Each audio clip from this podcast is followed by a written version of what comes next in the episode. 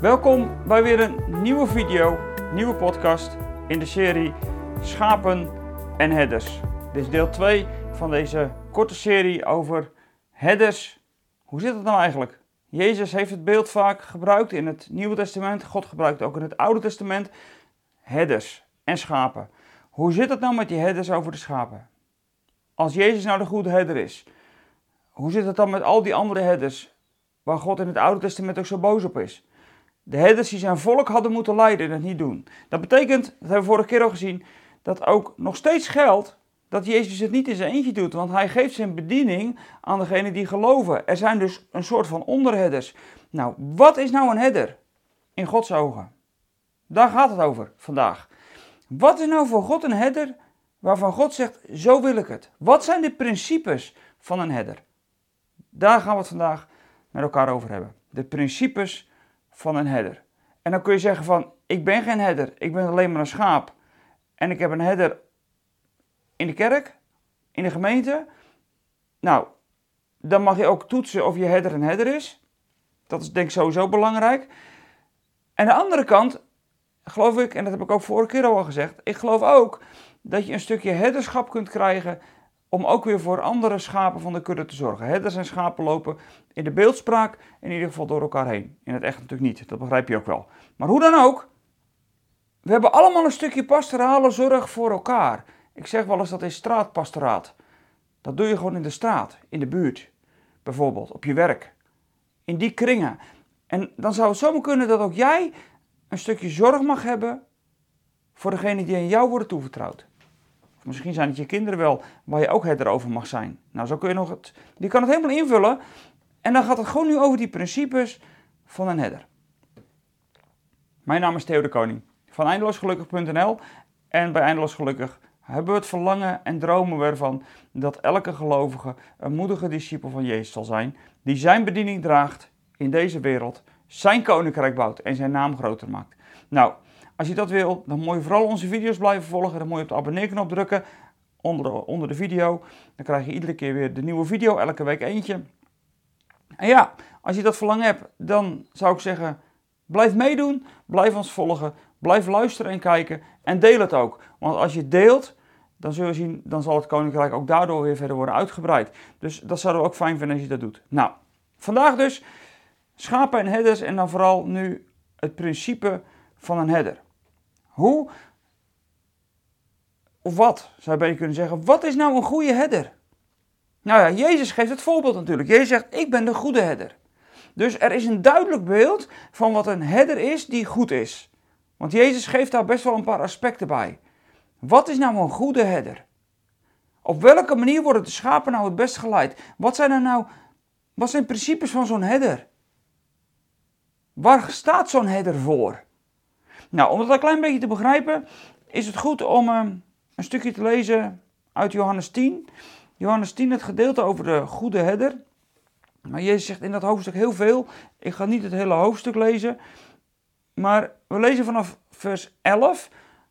Johannes 10 vanaf vers 11. Waar Jezus zegt, ik ben de goede herder. En dan heeft hij het al gehad over die huurlingen en over rovers en over wat geen herders zijn. Ik ben de goede herder. En dan zegt hij dit: Een goede herder is bereid om zijn leven te geven voor de schapen. Een ingehuurde knecht, iemand die geen herder is en niet de eigenaar is van de schapen, laat de schapen in de steek en slaat op de vlucht, zoals zodra een wolf ziet aankomen. De wolf valt de kudde aan en jaagt de schapen uiteen. De man is maar ingehuurd. En de schapen? Ze kunnen hem niks schelen. Ik ben de goede herder. Ik ken mijn schapen en mijn schapen kennen mij. Zoals de Vader mij kent en ik de Vader ken. Ik geef mijn leven voor de schapen. Maar ik heb ook nog andere schapen die niet van deze schaapsgooi komen. Ook die moet ik hoeden. Ook zij zullen naar mijn stem luisteren.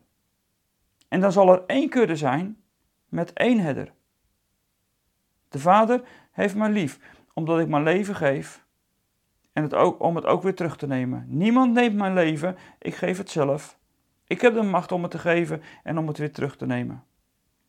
Dat is de opdracht die ik van mijn Vader heb gekregen. Nou, die laatste twee versen die vallen eigenlijk een beetje buiten het beeld van, de, van het schaap, maar valt wel binnen die alinea. Dus vandaar dat ik hem even meegelezen heb. En om dat evangelie nog eens een keer te horen, toch? Dat hij zijn leven voor je heeft gegeven. Nou, dat is goed om dat weer te beseffen, dat het een opdracht is van zijn vader. En zo dient hij ook zijn vader. Principes van die herders. Wat is nou een goede herder? Waar gaat het nou over? Nou, het eerste wat Jezus zegt is dit. De herder kent zijn schapen. En dat betekent niet dat Jezus daarmee zegt, en dan weet ik precies wie die van mij is en wie niet. Jezus zegt niet van, dan heb ik een groepje en dat groepje is het enige ware en daar bouwen we dan een muur omheen en dat is het dan. Dat zijn degenen die ik ken. Nee, dat zegt hij niet. Zo bedoelt hij het in ieder geval niet. Hij bedoelt niet dat hij hier een paar kerkmuren aan het bouwen is. Dat zou je dan, als je naar de onderhetters hebt, dan zou je zeggen, een voorganger van de gemeente die kent zijn schapen. De leden van zijn gemeente. En daar gaat het dan alleen maar om. Nou, Jezus heeft het ook straks nog over schapen die van een andere kudde zijn, die er ook nog bij moeten komen. Dus Jezus kijkt, als dat al over kerkmuren zou gaan, dan kijkt hij er in ieder geval heel ver overheen.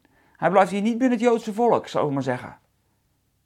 Dus als je hem doorvertaalt naar het onderherderschap, als jij onder Jezus herder wil zijn, dan gaat het erom dat jij de schapen kent.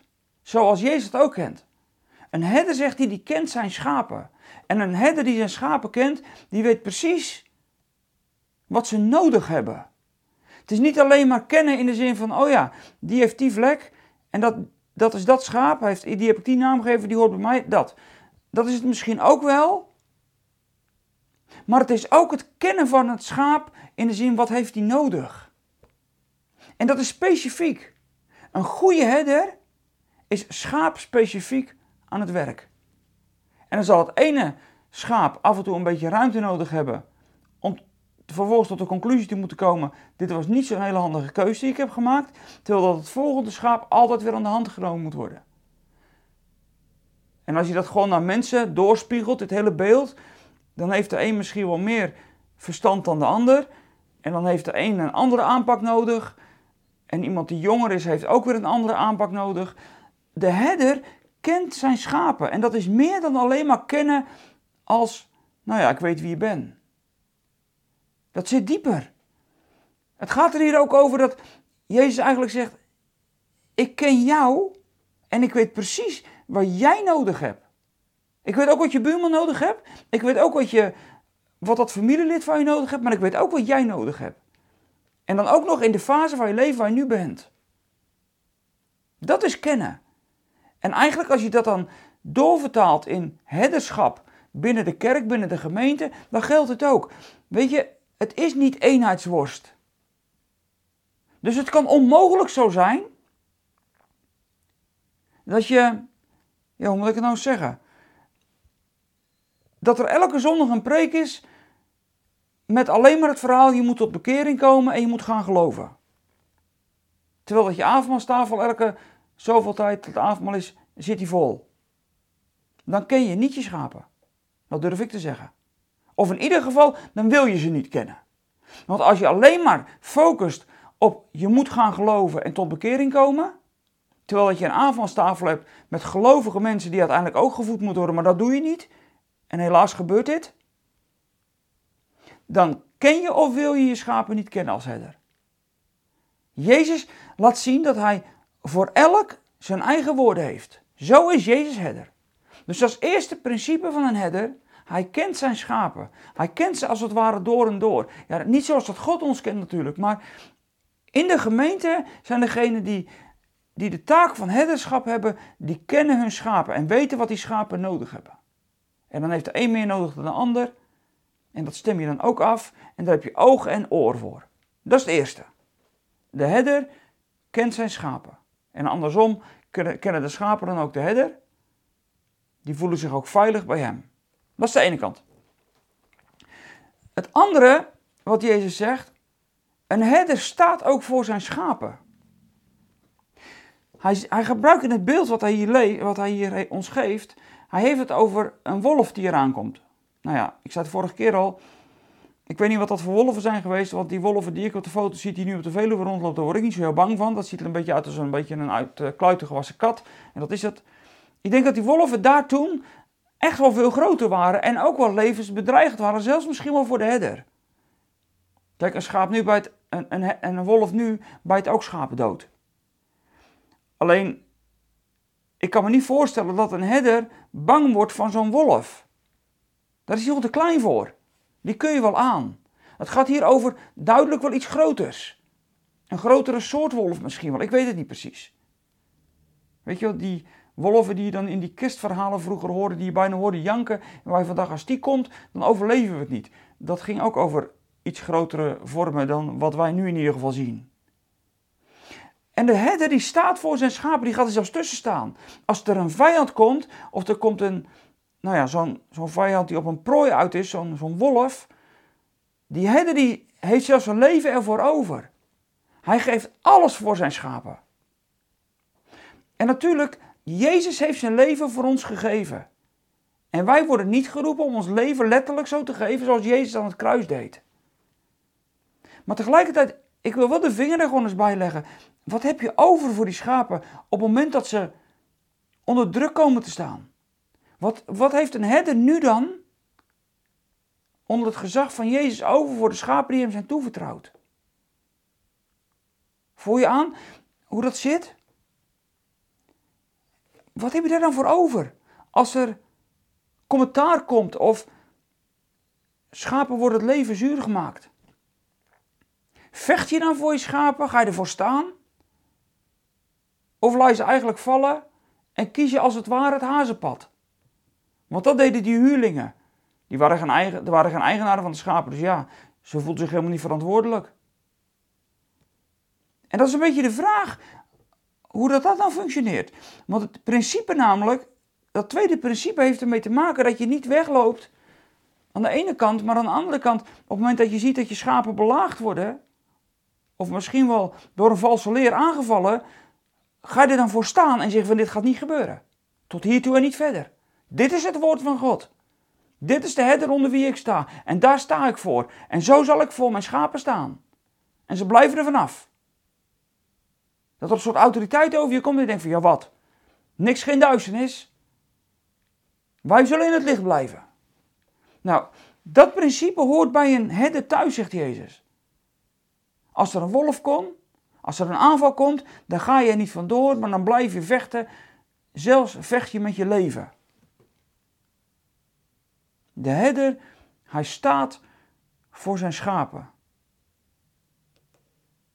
Goed om er even bij stil te staan en het tot je te laten doordringen. Weet je, we leven ook in een tijd dat het, ons, dat het wel lijkt dat het niemand aan wat kan schelen als iemand anders onrecht wordt aangedaan of zo. Maar dat kan niet. Dat hoort niet bij gezond herderschap. En dan heeft Jezus er nog alleen.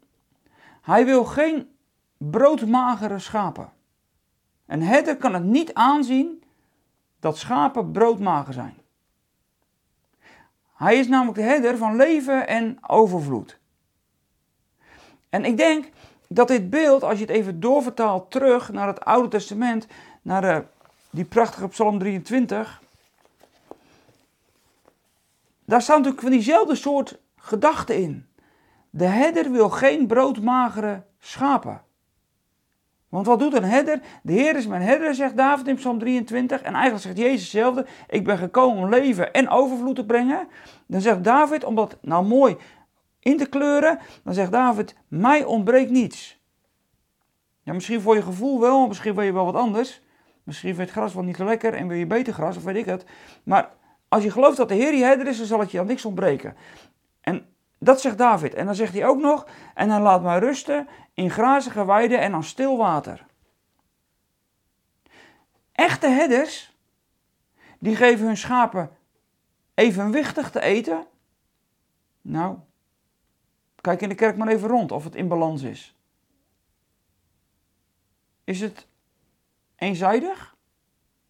Is het maar één kant? Gaat het inderdaad alleen maar over kruis en kom je niet verder? Gaat het alleen maar over Heilige Geest? Gaat het alleen maar over wonderen? Gaat het alleen maar over schuldbesef? Dat is niet evenwichtig. Zo ga je niet mee dieren om als herder. Dus er moet balans zijn. Ik geloof echt in balans. En ik geloof in, dat balans betekent dat allebei de uitersten in het hele pakket zitten. Nou, dat weet je van mij wel. Want ik kan net zo goed een keer een, een preek houden over de heiligheid van God. En daar echt heel diep op ingaan en ook heel scherp zijn. En aan de andere kant vol in de wonderen en in de tekenen van het koninkrijk. Maar helemaal, er helemaal in op kunnen gaan. Maar ik geloof dat die uitersten bij elkaar zorgen voor de balans. Dus niet een beetje een vaag midden, maar de uiterste en dat midden bij elkaar als één groot geheel, dat het in balans is. Evenwichtig voedsel voor de schapen. Geen broodmagere schapen. Dat is aan de ene kant. En aan de andere kant betekent het ook af rust. Dus mij ontbreekt niks. Het is een, een nou ja, je zou kunnen zeggen, een afgepast geheel. Goed in balans het voedsel. En dat is bij dieren heel belangrijk. Als ik dat met mijn hond al niet doe, dan gebeurt er van alles. Dan vallen de haren uit en met schapen niet anders. En met gemeenteleden uiteindelijk ook niet. Dit is belangrijk. En tegelijkertijd mogen ze ook van tijd tot tijd rusten in groene weiden. Dan mogen ze dat evenwichtige voedsel rustig opeten, hoeven ze even helemaal niks. Hoeven ze niet onderweg te zijn, mogen ze even rusten en mogen ze in de stilte zijn. Herders die altijd de kudde opjagen, die altijd maar jagen, jagen, jagen. En als je het ene project hebt gehad, dan moet je het volgende project doen. En dan zijn we daar wezen evangeliseren en volgende week moet het weer daar. En ik heb me er in het verleden ook heel schuldig aan gemaakt. Dat ik dacht dat we altijd door moesten, altijd gaan. Maar nooit in de rust kunnen zijn. Schapen die altijd opgejaagd worden, geen tijd hebben om normaal te eten, die worden brood en broodmager. En een herder kan geen broodmagere schapen aanzien. En tegelijkertijd gaat het hem aan zijn hart als hij broodmagere schapen ziet in een andere kudde. Ik zei al dat Jezus ook zegt dat hij nog schapen heeft van een andere stal. Of van een andere schaapskooi, van een andere kudde. Die wil hij er ook nog bij brengen, omdat hij ziet dat, dat daar waar het niet goed gaat, waar leiderschap is, wat uiteindelijk hen niet dichter, in, dichter bij Jezus brengt en hen niet richting de hemel stuurt en richting het koninkrijk, dan weet hij dat ze broodmager worden. Want dan hebben ze niks te eten. Ze zijn als schapen zonder herder. Ze dwalen en het wordt een zootje. En Jezus zegt: Ik heb ook nog schapen die van een andere kudde zijn. En die moet ik ook nog toebrengen. Die moeten er ook nog bij komen. De herder kan het niet aanzien dat schapen broodmager zijn. Dat zit in het voedsel wat hij brengt, wat hij ze geeft. Dat zit in de rust. En dat zit ook dat hij verder kijkt naar zijn eigen schaapsgroep. En dat hij verder kijkt en ziet waar het niet goed gaat. En ook daar grijpt hij in en roept hij ter verantwoording. Dat hoort er ook bij. Dat is in principe wat hoort bij een goede herder. Je bent ook verantwoordelijk voor de schapen die niet eens van jezelf zijn, want ook die doen ertoe. En dan als je Psalm 23 erbij hebt, dan gaat het nog over de stok en de staf. Dat betekent ook dat een herder niet altijd poeslief en aardig is. Die stok heeft ermee te maken dat hij ook wel eens een keer een schaap een tik geeft. Of teruggaat achter zijn poot en zegt, ho hier komen, het gaat niet goed. Hij zal er ook altijd op uit zijn, degene die uiteindelijk aan zijn aandacht even zijn ontsnapt, om ze te zoeken. En soms moet hij ze corrigeren, omdat ze weggedwaald zijn en dat was niet goed. Jezus was ook niet altijd lief. Ook zijn discipelen schudden die af en toe helemaal door elkaar. Jullie stellen je halfgelovigen. Kleingelovigen. Gaan jullie dan nooit een keer begrijpen? Jezus was ook scherp. Jezus is niet een een of andere lieve aaiherder. Jezus was af en toe ook gewoon duidelijk. En dat geeft je ons ook mee. Weet je, het is niet goed om altijd poeslief en aardig en alles maar goed te vinden wat schapen doen. Dat kan niet. Dat hoort niet bij het principe van een goede herder. Een goede herder corrigeert en vermaant. Dat hoort er gewoon bij. En dat hoeft niet altijd keihard en streng, maar het moet wel gebeuren. En tegelijkertijd heeft hij ook nog een stok, naast die stok ook nog een staf. En met die staf leidt hij de schapen. Een echte herder zal altijd leiding geven. Die zal altijd leiding geven in de lijn van zijn grote herder boven zich. Dat is altijd belangrijk. Als je herder dat niet doet, verdwalen die schapen. En hij neemt de leiding. En dat betekent, zegt David in Psalm 23, dan zegt David in Psalm 23 van, uh, dan leidt hij je langs veilige paden. Hij leidt je langs het beste pad wat er is. Dat betekent niet altijd dat elk pad veilig is, maar die zoekt hij wel. Hij zoekt het veiligste, het beste voor zijn schapen. En soms gaat het pad wel door het dal van schaduwen van de dood. Maar dan leidt hij je nog steeds door de schaduw heen en niet door de dood. Een herder die zijn schapen de dood injaagt, dat is geen goede herder. Maar een herder die de dood ziet en vervolgens de schapen door de schaduw ervan leidt, dat is een goede herder. Het echt niet altijd dat het altijd voor de wind gaat met schapen. Een herder moet ervoor zorgen dat zijn schapen altijd veilig op de plaats van bestemming aankomen. En dat is in de gemeente ook zo. Dat beeld wat, wat David hier gebruikt en wat ook Jezus eigenlijk gebruikt, die beelden die zijn belangrijk voor de gemeente nu. Want anders loopt het niet goed af. Nou, het zijn zomaar een paar principes die Jezus en ook David geeft in die prachtige woorden over die herders. Gewoon principes die je moet toepassen als je de verantwoordelijkheid hebt gekregen van herderschap. Een herder kent zijn schapen. Een herder staat voor zijn schapen. Een herder wil geen broodmagere schapen. Een herder is niet altijd lief. En de vijfde, een herder wil altijd leiding geven. Nou, ik hoop dat dit je gewoon even helpt om te kijken hoe dat een herder nou zou moeten functioneren. Ook in de gemeente, de herders van de gemeente, daar gaat dit gewoon over. Nou, neem dat nou eens mee, denk erover na. Denk eens na over je eigen rollen in herderschap. Misschien wel in je eigen gezin, misschien wel in je familie, misschien wel in je buurt. Misschien ben je wel voorganger en denk je, nou, ik wil Theo de Koning wel eens een keertje horen wat hij dan te zeggen heeft over of ik het goed doe of niet goed doe. Ik wil je niet veroordelen. Ik wil je alleen die principes meegeven die Jezus ons ook geeft. Zodat we werkelijk op een gezonde manier de kudders mogen leiden. Op welk niveau dan ook. Nou, goed dat je erbij was. Goed dat je hebt meegedaan. Fijn. Ik zou zeggen, ja, bedankt voor het kijken en voor het luisteren. Geef de boodschap ook door. Deel de video ook rustig. Daar is je helemaal voor bedoeld. Dat is het ene. Geef even een blauw duimpje als je op YouTube hebt gekeken. Reageer ook rustig in de comments.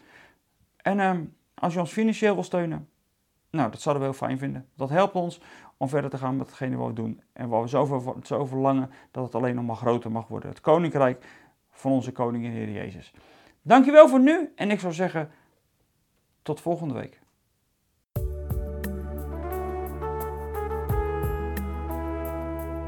We zijn er weer aan het einde van deze podcast. Spreken deze podcast je aan en wil je ons met de gift ondersteunen? Kijk dan voor meer informatie op www.eindeloosgelukkig.nl slash podcast.